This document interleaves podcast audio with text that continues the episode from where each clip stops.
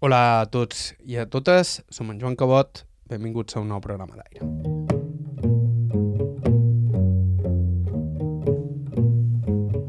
El que escoltareu a continuació és el segon de tres programes amb els quals hem volgut repassar alguns dels millors moments d'aquest any a punt d'acabar i recordar alguns testimonis que hem tingut el privilegi de recollir.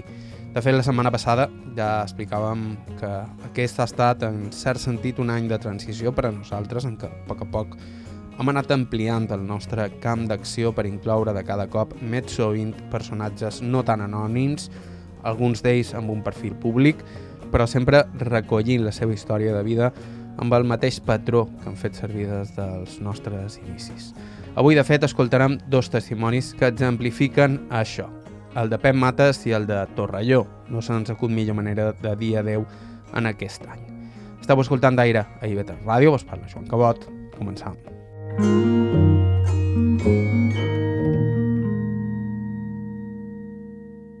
I començam amb Joan Llompart Coll, més conegut com a Torrelló, el nom en què signava les seves fotografies. Jo vaig néixer el dia 29 d'agost del 39 i me posaren en Joan Llompart Coll, I vares néixer a Palma. a, Sant, a la Soledat, a la plaça de l'Iglésia. Vares néixer a casa mateix. Sí, sí, a casa, a casa. Som tres germans i totes han nascut a casa nostra. En què se dedicaven els teus pares? A fer feina en el camp, com a locos. I quan varen tenir, quan varen tenir nins, pues, mamà se va dedicar a fer el que feien les mamàs en aquell temps, que era cuidar els nins i la casa i tenir dinar preparat per l'home quan venia de fer feina. El papà era de Muro i la mamà era d'Algaida. I tots dos van anar a fer feina una finca que se deia la Casa Blanca, bé, del poble de la Casa Blanca, i allà se conegueren i la parellada més a prop que estava de la Casa Blanca tal vegada era la Soledat com a, com a poble com, com a parellada gran no? I, i se quedaren i van anar a viure la Soledat Com era la soledat quan eres petit? un, espectacle la Soledat cada any per exemple per Sant Joan enllalenaven tots els carrers i tota la gent sortia en el carrer i feia un sopar, tots els veïnats en el carrer. I llavors hi havia un jurat que passava per tots els carrers i donava un premi en el carrer més guapo. Però això hi participava tota la bulla de la Soledat, no tota la gent. I a la Soledat, a la plaça de la Soledat, feien el ball, el ball clàssic del ball de bot, i el nostre pascó, que donava la, Soledat, a la plaça, sempre estava ple de convidats. Ara, en aquell moment cobrarien 5 euros, supos. Però en aquell temps era el balcó. Hi havia dos balcons que donaven a la Soledat. I això era la Soledat. O sigui, en aquell temps l'únic, l'única droga que hi havia que s'apareixia molt de la d'ara era la farina.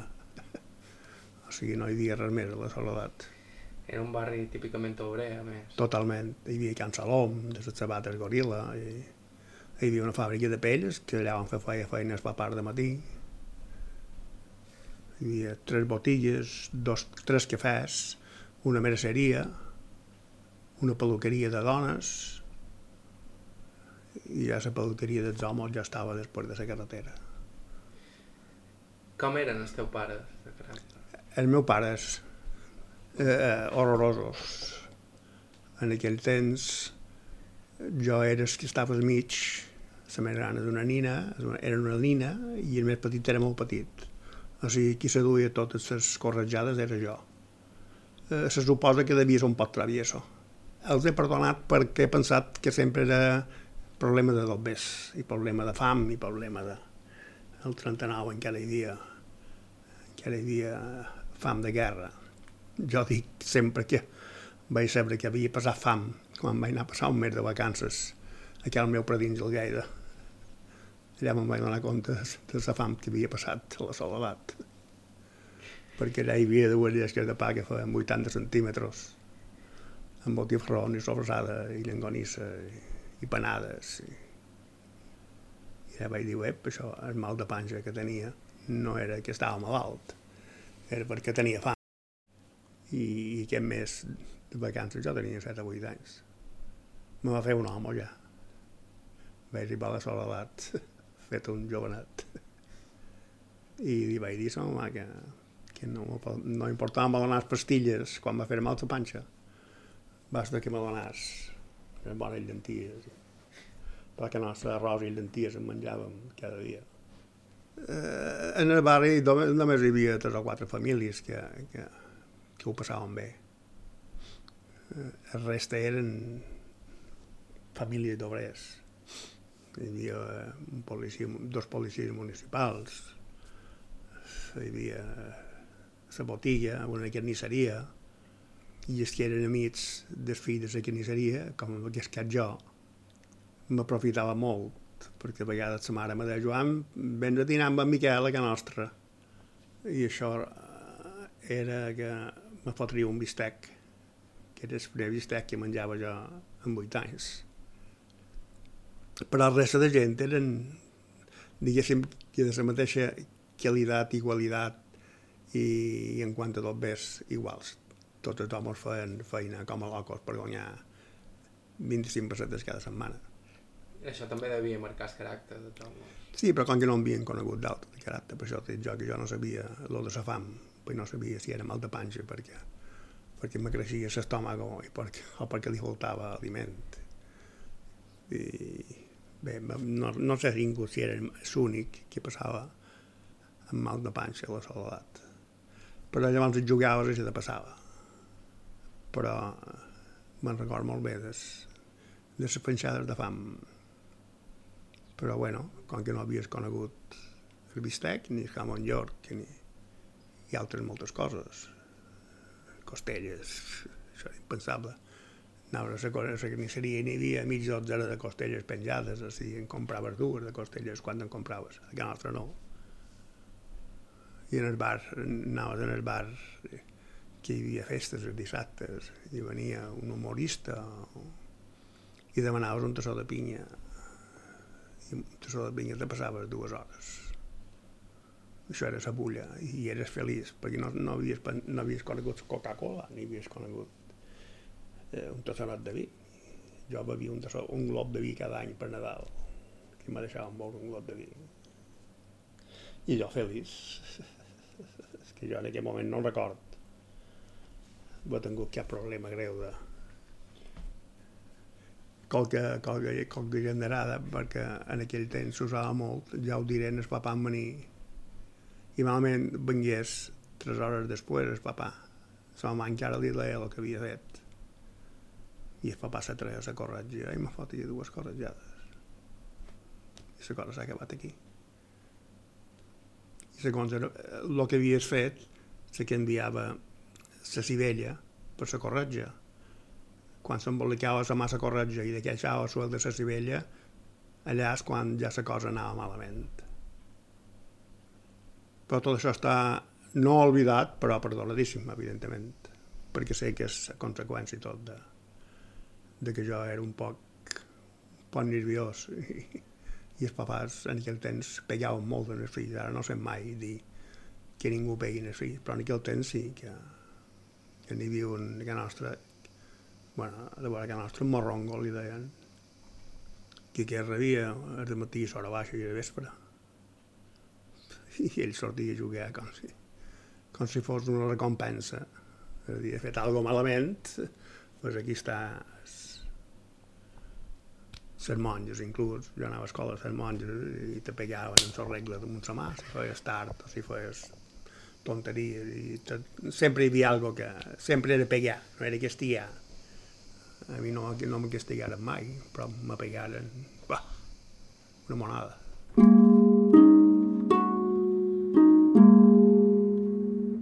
La soledat en aquells temps estava desconnectada de Palma. Per a molta gent, de fet, anar al centre era quasi com si canviar de ciutat. Hi havia un autobús i tramvia que anaven fins a la porta de Sant Antoni. Per tant, molta gent s'anava a peu. Nosaltres, de petitons, que teníem una tia, la meva madrina, que vivia allà on hi havia sota el Cursal, Marquès de la Cènia, i hi anàvem a peu, de la soledat allà estàvem dues hores caminant Però total havien d'anar fins a la porta de Sant Antoni, nosaltres a la porta de Sant Antoni no hi havia cap autobús que anés cap allà. Per tant, havien d'anar a peu. I el papà deia, si anem a peu podrem adreçar. I el papà anava dues passes davant i la mamà nosaltres tres darrere, darrere, darrere, darrere. Ojo, com que som manes davant i el papà darrere. Són normes. La mamà quan arribava al gaire li deia a son pare, me donau la mà a passar. I son pare li donava la mà i passava la mà de son pare. I el el veia un pic cada any. Però almenys menjàvem. Ja m'has dit que de petit eres un poc inquiet. Eh, bastant, diria jo. Eh? Què era el que t'agradava? Tot. Jo feia tot.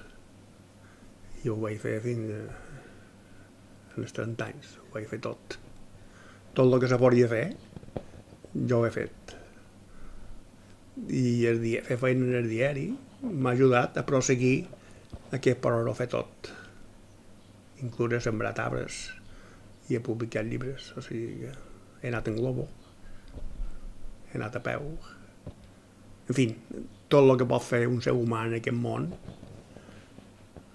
eh, ho he fet. Com va ser la teva introducció al món de la fotografia? Com... Bueno, jo després de ser monges ja me pesava estudiar. O sigui, som un estudiant horrorosament horrorós. I jo he fet cultura gràcies a fer feina en el diari, que la majoria de gent que estava en el diari era eh, intel·ligent, o sigui, tenia cultura.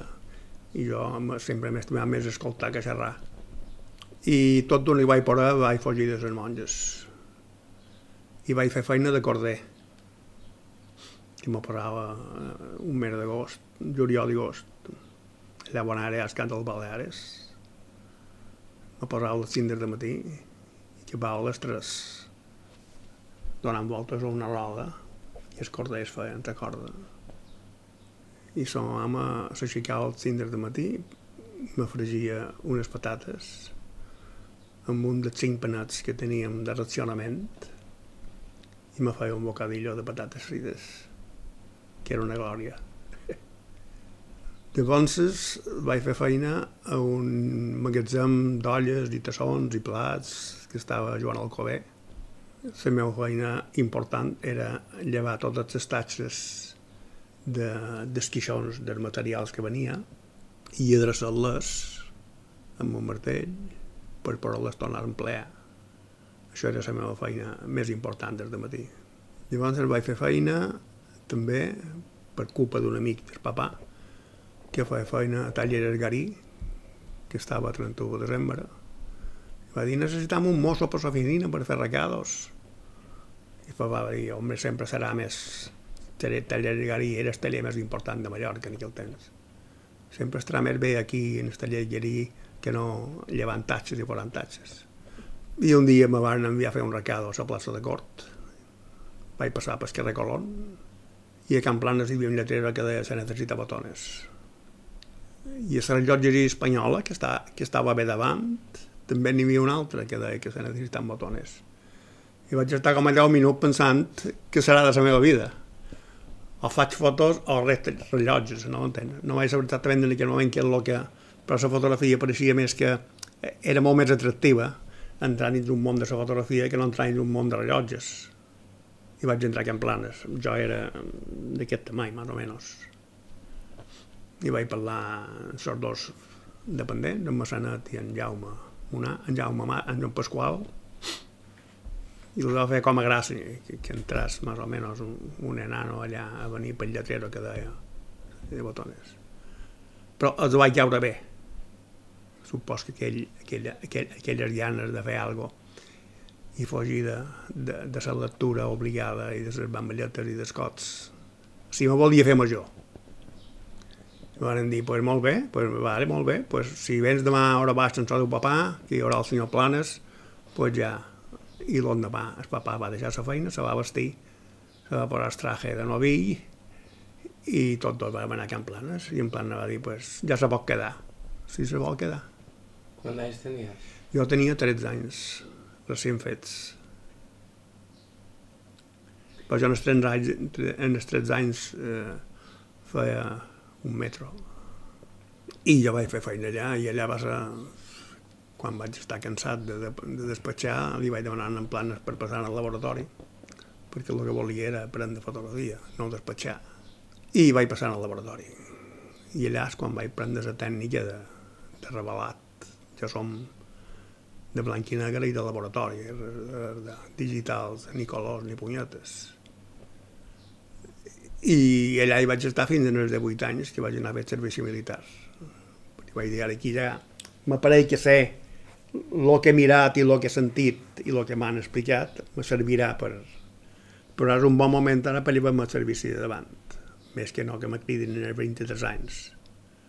I me'n vaig anar a fer servici militar. I quan vaig sortir, pues, a l'ataque, i a partir d'aquí bodes, comuniones, bautizos, i festes fomosterisques, i cortico vista verde, i Vall de Mossa, i sales de festa, titos, és que anat per tot. En plans ha estat a mi un, un, un pare professional, un pare professional i un segon pare, però en plana no m'ha ensenyat res a mi. En plana no m'ha dit mai per fer això has de fer així. El que sí que he fet jo, que he anat, he anat molt a temps amb en plan, he a Barcelona i a Madrid, inclús amb en plan fent postals. Però en plan no m'ha dit mai com havia de fer les fotos. El que sí vaig estar molt a damunt, el que ell feia, o el que em feia en Pasqual, que en Pasqual era, diguéssim, el fotògrafo que feia totes les fotos de Can Blanes. En Pasqual se dedicava a postals i vistes aèries, helicòpters, tot això. Però sempre m'he fixat moltíssim, inclús quan se rompia una màquina, que mos duien una màquina a reparar, jo la duia un rellotger en el Cové, en Rafael Alcobé, que estava a la catedral, i jo me passava dues o tres hores com arreglava la màquina, mirant quina peça llevava primer, quina peça llevava segon, com els deporrava, com els deporrava en borda, i jo en aquell moment, les màquines que he romput, antes els he desmuntades per veure si és una busca que tenen. Quan he dit que no era una busca, que necessitaven torn o que necessitaven una mà de metge de veres, l'he tornat a muntar. Però amb un ordre tan perfecte que no hi havia forma de, de que t'equivocasses. I això ho vaig vendre mirant. El Cove no va dir mai has de fer això, i has de fer això, i has de fer això. I jo amb en Pasqual, que anava a les bodes, ajuda-li a dur trípode i a dur la bossa, mirava perfectament com feia les fotos. Pasqual era un bon fotògraf. El 99% de bodes que se feien, ens feien Pasqual. Però en plan va ser el que me va apoyar sempre.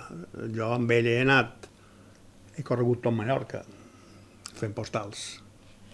I hem dinat plegats, i hem dormit a hotels plegats, i, en fi, he anat a dinar a casa seva un munt de vegades, no sé, és, és un senyor, per això, malament estigui en el cel. Recordes la primera vegada que vas fer una foto? Sí, una, fer una foto bueno, com a professional o... Pots dir les dues? Quina és més important per tu? Home, la més important és la primera que vaig fer per, per Diari de Mallorca, que no me va sortir bé i la vaig repetir. Més normal que era una convenció que feien a Son Vida, que durava tot el dia perquè ja t'he dit en principi empleava una màquina 6x6 que la 6x6 té una distància focal molt curta o tant les vistes generals que havies de fer d'una taulada els primers te quedaven super desenfocats en fi, no era una màquina per fer una fotografia d'una taulada i em van dir vés a fer una fotografia d'una convenció de son vida però no me van dir que fos una taula que hi havia 33 trios si no jo hauria fet una màquina de 35 mil·límetres, ja està. Però jo volia donar un, un punt de qualitat a les primeres fotografies. I quan vaig revelar carreta, que era 6 per 6, de 12 fotos, en principi no sortien totes de taula. I els primers de tots, de les taulades, sortien totalment desenfocats. Perquè 6 per 6 enfoca allà on tu enfoques, no... Va, tu a dir vaig agafar la moto una altra vegada amb una màquina de 35 mil·límetres, amb un pot d'angular, i vaig repetir la foto. I ja va estar. I a la Soledat, les primeres fotos que vaig fer va ser d'una excursió. Cada any la Soledat feia una excursió amb un autocar, eh, tots els que s'apuntaven. i anàvem a Vall de Mossa de Solla, o anàvem a Portbunyent, o anàvem a... En fi... I em van dir, Joan, i per què no dus la maquineta i, i fas fotos, un parell de fotos? I vaig demanar en planes i em va deixar una màquina horrorosa. Una màquina 4 per 6 que feia 16 fotos. Però si anaven molt alerta i no, si no es pitjaves molt, te quedaven bé perquè el negatiu era gros. I vaig fer 16 fotos. I els vaig vendre a una passeta i vaig fer... Vaig guanyar de 25 pessetes. I el pròxim any ja me van deixar una càmera de 35 mil·límetres, de 36 fotos, i aquí ja me vaig inflar a fer fotografies, perquè no existia això de dur dos carretes. Encara ara jo quan vaig jubilar només duia un carrete sempre i, i vaig fer, van anar a Pollans, a Pollans i Formentó, i ja tothom me demanava fotos. Un grup de quatre, un grup de quatre. Ara amb una foto aquí, eh, vaig fer un llibre que se diu 50 anys, anys 50 de la soledat, de totes aquestes fotos. I vaig guanyar una fortuna el segon any i a Valldemossa vaig fer molta feina a Valldemossa, els turistes. Vaig comprar un laboratori a Valldemossa per no haver de ballar a Palma a revelar les fotos, perquè llavors els anàvem a vendre un Fabi quan fèiem Valldemossa dia i Solla. Nosaltres fèiem les fotos de ballar a Palma, de revelar a un laboratori que tenien al carrer de Sant Jaume i amb un, amb un sidecar, que eren tres, anàvem tots tres al Fabi i quan els autocars ballàvem per veure gent d'autofati, nosaltres els faríem les fotos. I llavors l'Escortiva està verde també vaig fer feina dues temporades, que coneixia el gerent. I llavors, bé, vaig posar tres tendes de fotografia, tenia tres tendes de fotografia, una que ara no s'havia inaugurat. I era el moment de fer-me un gran empresari, verdiari, i me diu, jo havia fet coses de bicicletes en el diari, cinturón de Crista Mallorca, que localitzava el diari. I em va dir, sí, el fotògraf que tenien que era en Castell se jubilava i el seu fill no volien seguir. Si li m'interessaria. I va dir no, l'únic que podem fer és que te podem donar 6.800 pessetes cada mes. Que dos apagues i un mes de vacacions i vaig dir sí a, a on he de firmar en les tendes anava de cul una banda l'altra no era mai lloc i vaig dir, pensar, vaig fer feina en premsa sempre, dir, eh, fer fotografia i fer periodisme és, crec que és, és el màxim que pugui inspirar una persona que li agrada la fotografia. Sin ofender, eh? cadascú que triguis. Però si t'agrada la fotografia, per la veure impresa a un diari que potser laboran 20.000 persones cada dia, te fa créixer com a, com a persona com a professional. I a mi m'ha anat molt bé perquè fins ara el diari els fotògrafos que tenien eren fotògrafos de, de bodes, de fotos en flash, però tots tenien 60 anys, no 65. I clar, jo me vaig cobrar, me vaig trobar amb 23 o amb 24 anys, que les primeres fotos que vaig fer per diari el vaig fer en l'equip que tenia jo per bodes i comunions i vaig trobar que no era l'equip que necessitava. I vaig comprar una Leica, que és, que és la màxima aspiració també d'una persona que volia feina en premsa, i vaig començar a fer fotos sense flash i, i a fer àngol distints i, i llevat senyor de darrere la taula, sinó que en lloc d'estar darrere la taula segurs en la ploma en la mà els feia seure damunt la taula eh, còmodes o una butaca amb una cama damunt l'altra i la màquina en terra i eh, el que havia vist no hi havia res que m'agradàs de lo que sortia en premsa i vaig dir que jo tinc un camí guapo per disfrutar de fer feina. I abans en el diari van muntar una, una secció que se deia Objectiu a punto, que era una fotografia curiosa de Palma, en el qual sortia amb, una, amb un peu de foto.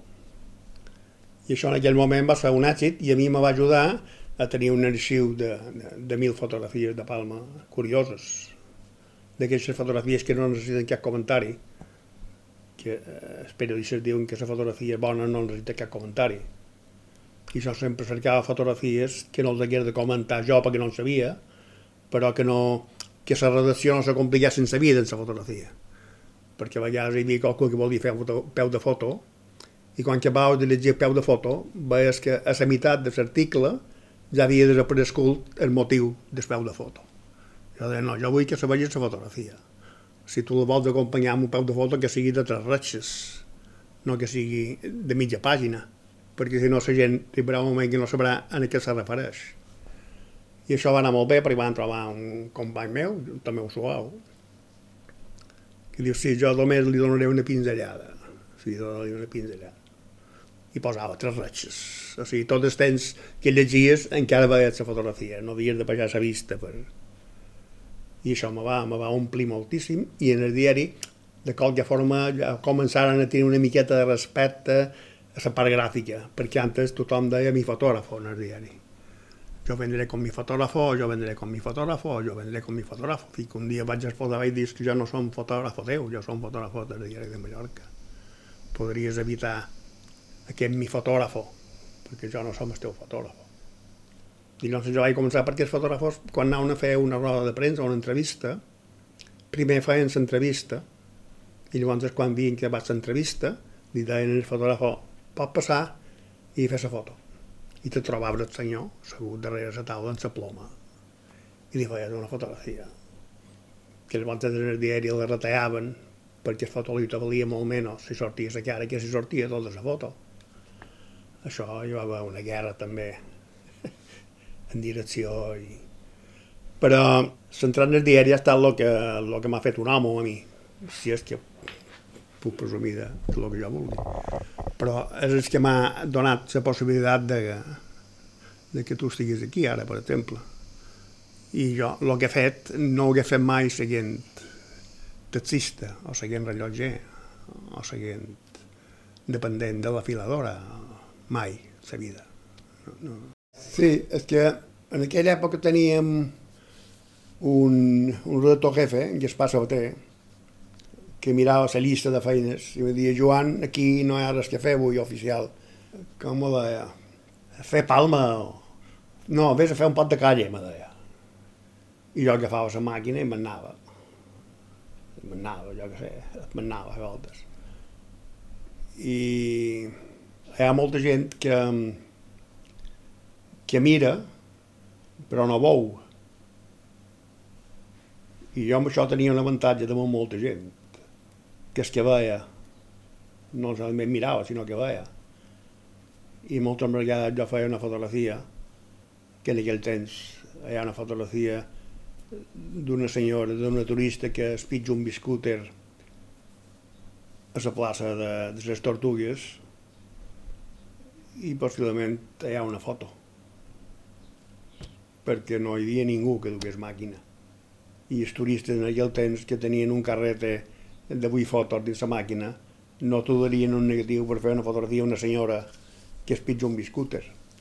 Però per això trobava que sabeu la plaça, sabeu el biscúter, i la senyora, i la senyora dins. Trobava que era una fotografia periodística. Per lo millor ningú la mirà, però no la va veure, la foto. I jo tenia, segons diuen, m'he enterat ara que estic jubilat, que no solament mirava, sinó que veia. I això era el que me donava eh, avantatge de molta gent. Jo anava amb, un grup o tres o quatre i els meus únics dels quatre que s'aturaven per fer una fotografia que resultava que llavors era una fotografia interessant era jo. Perquè altres miraven, però jo la mirada, però no he dit res jo. I això em va donar un cert renom, me va, me va. Oh, oh, quina foto més guapa, això al diari no ho havia dit mai a ningú quina foto més guapa, perquè no existia aquesta frase els fotògrafos, quina foto més guapa, i quina foto més guapa d'un senyor, una foto de carne d'un senyor, no, no, no. I una foto d'un sopar del governador civil, una foto d'un sopar del bisbe que va beneir una, un anglès, i no. Això era el màxim a què podies aspirar, no? I es, s'obrir aquest espai de fotografia periodística no necessàriament comentada, va començar a despertar gusanillo de molts que estaven a la redacció feia 50 anys i que no havien tingut possibilitat de de veure una fotografia que no coneixien ells, que ni siquiera sabien que existís, qualcú que fos capaç de, de aquella imatge que ningú, que ningú li feia ni puta cas. I això me va, me va fer un homenet, això, a dins fotografia. Eren uns anys en què Palma estava canviant radicalment, estava canviant molt. Jo tinc la sensació que va retratar com aquella, aquell canvi. Sí, jo, eh, clar, és que això és com quan dius vols una família i vols un nebot teu i el vols un pic cada any i trobes que el nin ha crescut molt. Però és que dit Palma cada dia, cada dia, s'ha anat transformant de tal forma que tu no ets capaç de dir fins aquí eh, Palma Antilla i a partir d'aquí Palma Moderna. És a dir, en aquell moment eh, jo record quan hi havia un bar, un restaurant molt famós que estava al costat del bar Bosch, eh, eh, que era Cantomeu, m'ha pareix, que llavors va passar a circo mallorquí, i sense manera menor llevaren el restaurant i van fer una finca. El bar Bosch no tenia taules a de fora, era, era un bar, era un baret, que entraves i prenies un cafè i t'anaves. Llavors, quan van fer la reforma de, de les tortugues i tot això, i tallaren una part del bon de circulació, van fer una cera més grossa, com que ells hi van fer una cera del bar Bosch, perquè per les taules. Però això ho veus cada dia, cada dia, cada dia, cada dia, cada dia, que no te'n van donar compte del canvi. Jo no me n'he donat compte del canvi, no m'ha no no afectat el canvi. M'ha afectat si vas a Palma ara, però si és que va a Palma cada dia, cada dia, cada dia, cada dia, com que vol pujar la cera un centímetre cada dia, no se'n dona compte si quan li han pujat un metro, perquè ho ha viscut diari. I jo a Palma no m'agrada ara perquè a Palma hi vaig un pic cada mes. I faig una llista de coses que he de fer per no haver de tornar. I abans com decidies per on li prenies? Ah, no, no, no feia voltes, jo sempre tenia una ruta, eh, el Born, eh, la Rambla, Tortugues, el Moll, per exemple, hi havia una època de playa que era març o abril, setembre, octubre, en el qual hi ha fotos autènticament precioses. Que veus una senyora en biquini i veus un tio amb un traje negre, amb un capell, que per ni se cruzen, per exemple.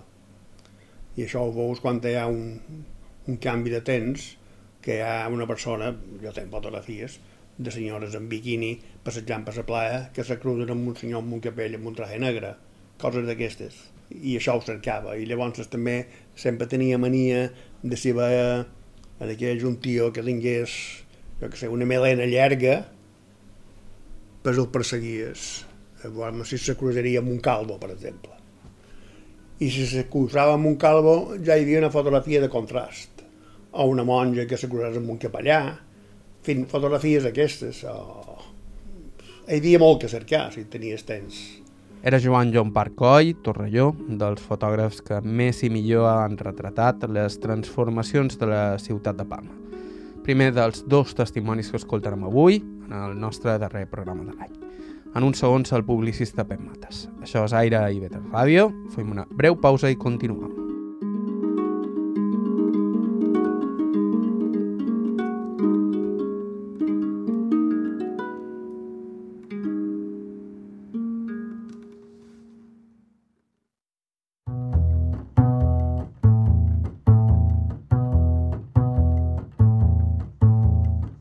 Hola a tots i totes, som en Joan Cabot, això és Aire, avui amb el segon programa dedicat a recuperar alguns dels millors testimonis d'aquest 2023, un any en què hem continuat ampliant el nostre arxiu amb personatges excepcionals de tota mena.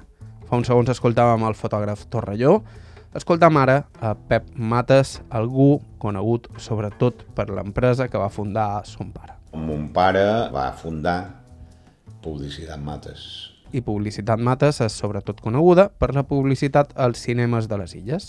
Se pot dir que és l'única activitat que no hem deixat de fer mai, la publicitat en els cines. Bueno, l'empresa eh, va arribar a fer diapositives per tota Espanya. Des d'aquí se feien 150 diapositives diaris. Eh? que pareix que fa riure això 150, perquè ara només se fa cortar i pegar i copiar, i no, però antes se feien una per una i se'ls donava color a mà les diapositives. Eh? hi havia, tenien un taller, jo me'n recordo quan era nin, hi havia 20 o 25 persones fent feina allà que donaven eh, color a les transparències que s'il·luminaven, se deia il·luminar en color, vull dir, llavors se varen eh, fotografia en color, se varen ja fer color directament, però en principi eren en blanc i negre, i se'ls donava color.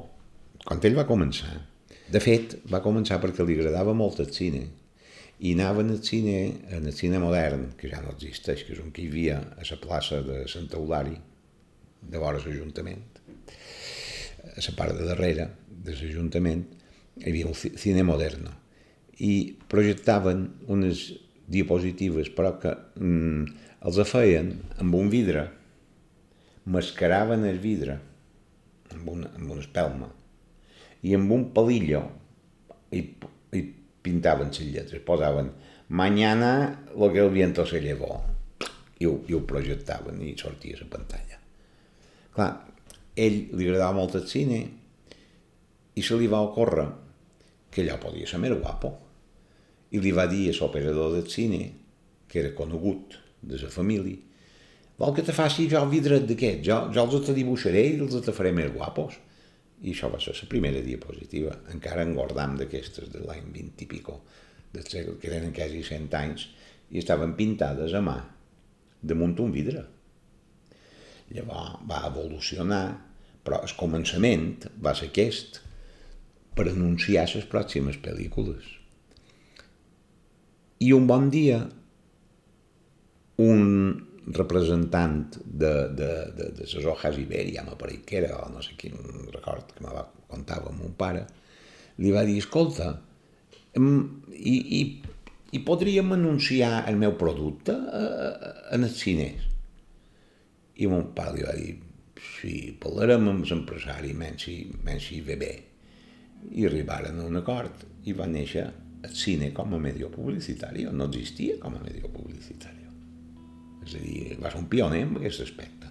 Un pioner que així tot va haver de fugir de l'illa després del cop d'estat del general Franco i la Guerra Civil, vivint a l'exili durant molts anys. Mon pare, mm, de jove, era socialista, republicà, implicat activament, el meu predí era directiu de la revista El Obrero Balear, que era un òrgan que hi havia des, des partit del PSOE d'aquí. Bé, vull dir que quan, quan, va, quan va estallar el moviment els acercaren, el, vull dir, els acercaren a mon pare, el meu predí i a un germà de mon pare, eh, que era, tots tres estaven implicats en la política, vull dir, no... Evidentment no havien fet cap, cap delita ni cap crimen, simplement eren republicans i socialistes i això ja era prou en aquell temps. Els cercaven i varen decidir, perquè no els escatassin, perquè varen escatar bastant de mig seus, amagar-se, varen fer de topos i varen estar amagats en un soterrani mm, durant tres anys. És una curiositat i una anècdota, si vols, i és que els temps que estaven amagats varen convocar, el govern civil va convocar un concurs per fer unes diapositives per projectar en el cine en la imatge d'en Franco perquè en el, en, el, en el començament de les pel·lícules posaven aquesta diapositiva, feien sonar signe nacional, la marxa real, i la gent s'aixecava dreta i és que no volien que se pensassin que no eren dels altres, aixecaven el braç. Això era pràctica habitual. Van convocar aquest concurs i ells, ells ja tenia bona traça, ja tenien, feien les diapositives del cine, el que clar, en aquell temps va quedar mig, mig, en, mig en suspenso el negoci, però una germana seva va presentar una diapositiva en el concurs com si l'hagués fet ella va ser el que va agradar més i paradòxicament mon pare, el meu predí el tio que estaven amagats per mort d'en Franco varen poder mantenir la família gràcies a les fotos d'en Franco que feren per posar en els cines perquè en varen fer a mils per tots els cines d'Espanya. Ah, que sí que és una història de cine, això. Vull dir, bueno, passat això, aquests tres anys, clar, mmm, van perdre la guerra, no la van guanyar. Per tant, encara venien més purgues i la i, i la repressió va ser encara molt més forta. Total, que decidiren, entre, eren vuit o nou que estaven en contacte, comprar una barca que la va anar a comprar un tio meu, un germà petit de mon pare, que encara era jove i no estava implicat en res, la va anar a comprar, varen fer la comèdia de que el seu predí li regalava la barca en Arnet, l'anaren a comprar, compraren un lleutet, un lleutet de 6 metres, i com les pateres d'ara se n'hi ficaren nou i se'n anaren per anar rumbo sur cap al G. I en arribar al G ja vos, ja vos telefonarem o ja, o ja mos posarem en contacte. Una paraula, fugir de la repressió. En la mala sort de que els hi va agafar un temporal, final d'agost, ara farà anys, els hi va agafar un temporal d'aquest de final d'estiu, la barca se'ls va espanyar, cap d'ells tenia ni idea de com fer marxar un motor d'una barca, i quan ja se donaven per morts, els va recollir un, un barco. En la sort de que els va recollir, no se van morir, però la desgràcia de que aquest barco hagués pogut, hagués pogut ser anglès, però no, va ser italià. Aleshores s'anaven d'en Franco i anaren a caure amb en Mussolini. El capità del barco els va dir, jo vos he d'entregar, però sabeu que era antifeixista també, els va dir, tirau la documentació a la mà. I així ho feren. I van anar a parar i rolaren quasi un any per la pressió de Regina Celi de Roma, però sense, sense, sense saber què passaria d'ells. Vull dir, eren com, eren com un verso suelto que no sabíem on el havien de col·locar. Aquests vuit espanyolets que s'havien anat d'Espanya. I al final anaren a parar a un illot, que és un poc més gras que la Dragonera, eh, com Cabrera, més o menys, de dimensions, que és Ventotene, que està a la costa italiana, a la part de baix, entre Nàpols i Roma, o sigui, un poc més amunt de Nàpols, que per cert aquest estiu la família hi vàrem anar a reveure-ho i, i això va ser molt emotiu. En aquesta illa hi havia mm, era una illa de mm, no, no era un camp de concentració en absolut era una illa de confinament polític allà hi tenien els que no s'atrevien a matar perquè eren prou importants mon pare va estar va compartir celda o no era Celda, eren un barracons i vivien allà. Amb en Sandro Pertini, que va ser president de la República Italiana després, amb Umberto Terracini, que va ser president de la de, president del Senat, amb en Rossi, que va ser president de les Corts, bé, amb gent que va ser llavors, posteriorment, varen, que eren joves, però ja tenien pes i, i no, els, no els mataren també és veritat que en Mussolini va matar molt menys que en Franco. Eh? La repressió allà va ser bastant més suau. I llavors, quan va acabar, eh, quan Mussolini va plegar, perquè estaven entre, entre la illa i Roma, estaven quatre anys per Itàlia. Eh? O sigui que mon pare, 3 i 4, 7, 7 anys de la seva vida, és un parèntesi groig mateix. Eh? Clar, ell va tornar al 42, 43, perdona, i llavors, bueno, se va casar, eh, va conèixer una altra, que és ma mare, se va casar, i va, però clar, se va casar que tenia 39 anys, perquè aquest set, eh, sí, jo vaig néixer el 49, sí. Vaig néixer el 29 de gener de l'any 1949, a Palma, en el carrer Real, perquè en aquell temps no anaven a clíniques a néixer. Eh?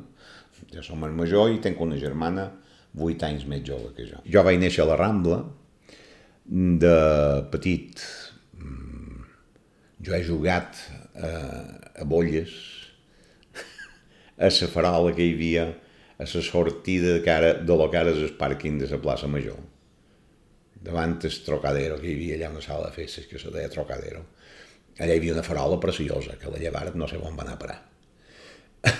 preciosa. I allà baix, davall d'aquella farola, jugàvem a bolles amb un parell de veïnats. Eh? Mira tu, me vaig criar a la Rambla, per, en el centre, mm, anava a escola a una escola que hi havia bé davant eh, el que ara és la clínica Roger, que era Mare Nostrum, que hi va haver una gelateria molt d'anys i ara hi ha, m'aparec un banc. En el cantó, allà, hi havia un col·legi que se deia Colegio de Estudios Prácticos, perquè mon pare no, no, no, no anava de formació religiosa i mm, mos va en aquesta escola. No vàrem anar ni a ser monja ni a cap, cap frare.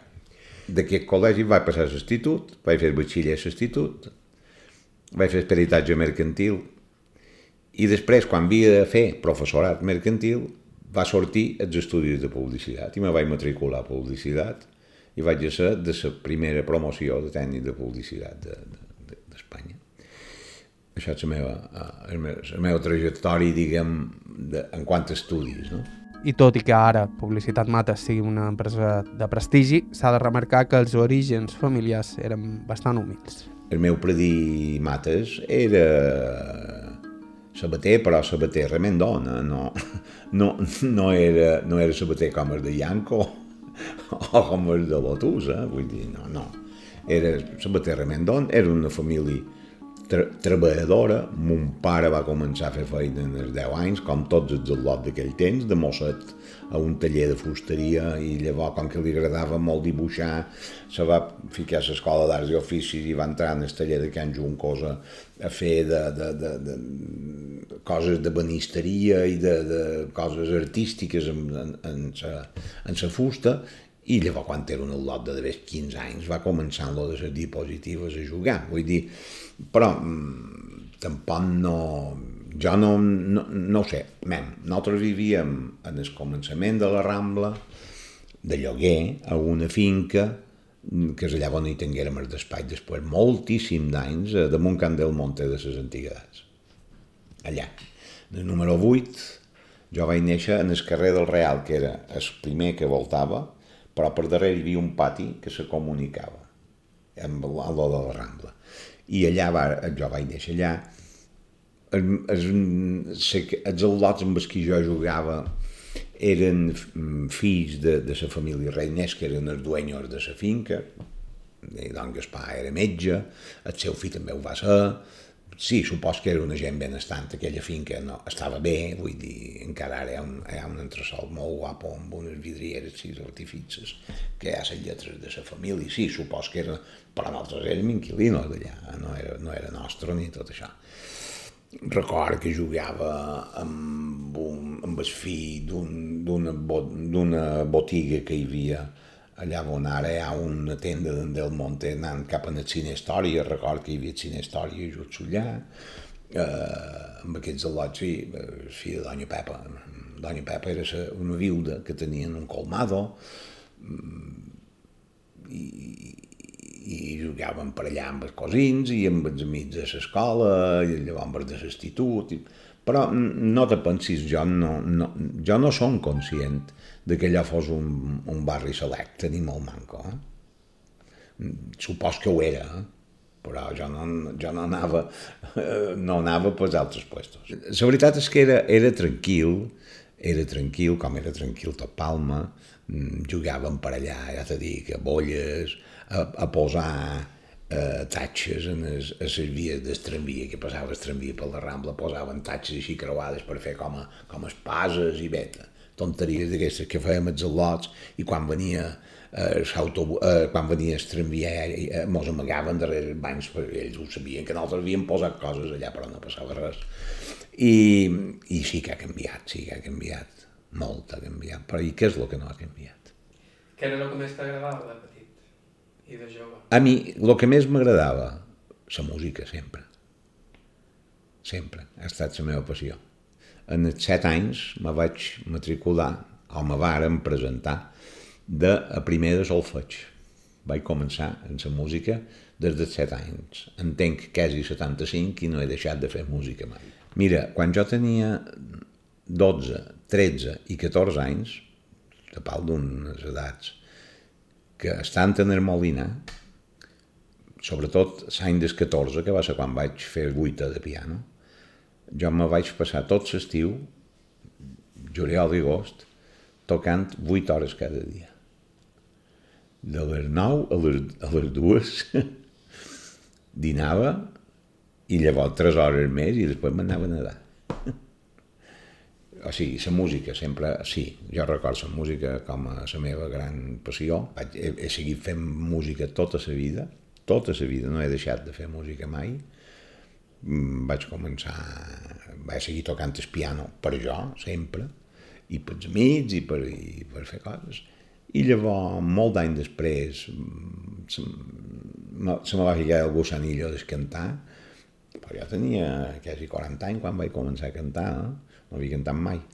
I, i cant en la coral universitària encara ara, mm, dirigeix un coro de la universitat, de les cors de pares i mares. Eh, bé, la música sempre m'ha omplit. I, i llavors vàrem, amb uns amics vàrem fer un grup de baneres que encara existeix i que encara reina. Els ben trempats. o sigui que a mi tant m'és cantar la missa en si menor de Bach com mm, el meu avi. Pas igual de gust. La música, si se fa ben feta, és igual de bona tota. No n'hi ha de culte i de no culte. Hi ha ben feta i mal feta, per jo.